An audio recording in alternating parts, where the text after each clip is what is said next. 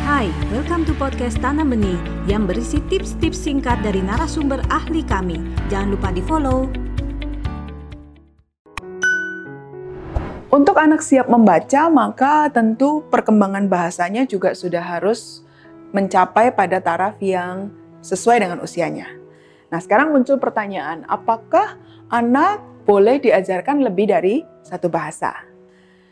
Boleh saja, karena sebetulnya pada usia dini, kemampuan otak menyerap bahasa ini sedang bagus-bagusnya. Hanya ada syarat yang membuat supaya kalaupun lebih dari satu bahasa, kedua bahasa ini dikuasai dengan baik oleh anak. Syaratnya adalah konsistensi dari orang yang mengajarkan bahasa itu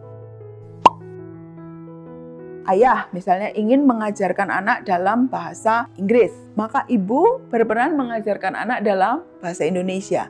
Hendaknya orang tua berusaha sekonsisten mungkin, konsisten dengan masing-masing tugasnya ini. Jadi ibu akan selalu bicara dengan bahasa Indonesia kepada anak, dan ayah akan bicara dalam bahasa Inggris kepada anak.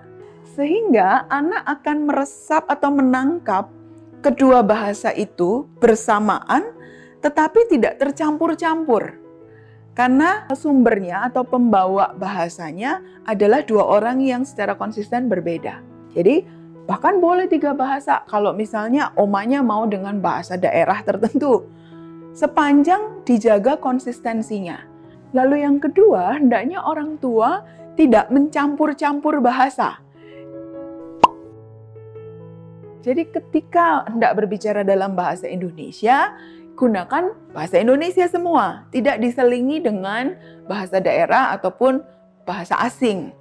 Sebaliknya, ketika misalnya berbicara dengan bahasa Inggris, usahakan untuk menyelesaikan satu kalimat atau dua kalimat dalam bahasa Inggris. Tidak kemudian mencampur-campur dengan bahasa lain.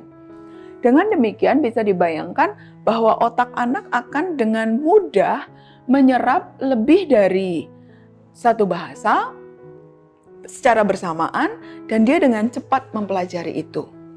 Tentu ada catatan khusus bagi anak-anak yang memang ada kekhususan ya, ada keterlambatan wicara.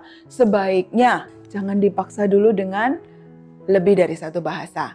Karena artinya ada aspek perkembangan bahasa dia yang tidak seperti pada anak pada umumnya. Anda baru saja mendengarkan tips dari Tanam Benih Foundation Mari bersama-sama kita terus belajar untuk menjadi orang tua yang lebih baik demi generasi yang lebih baik. Jangan lupa follow podcast kami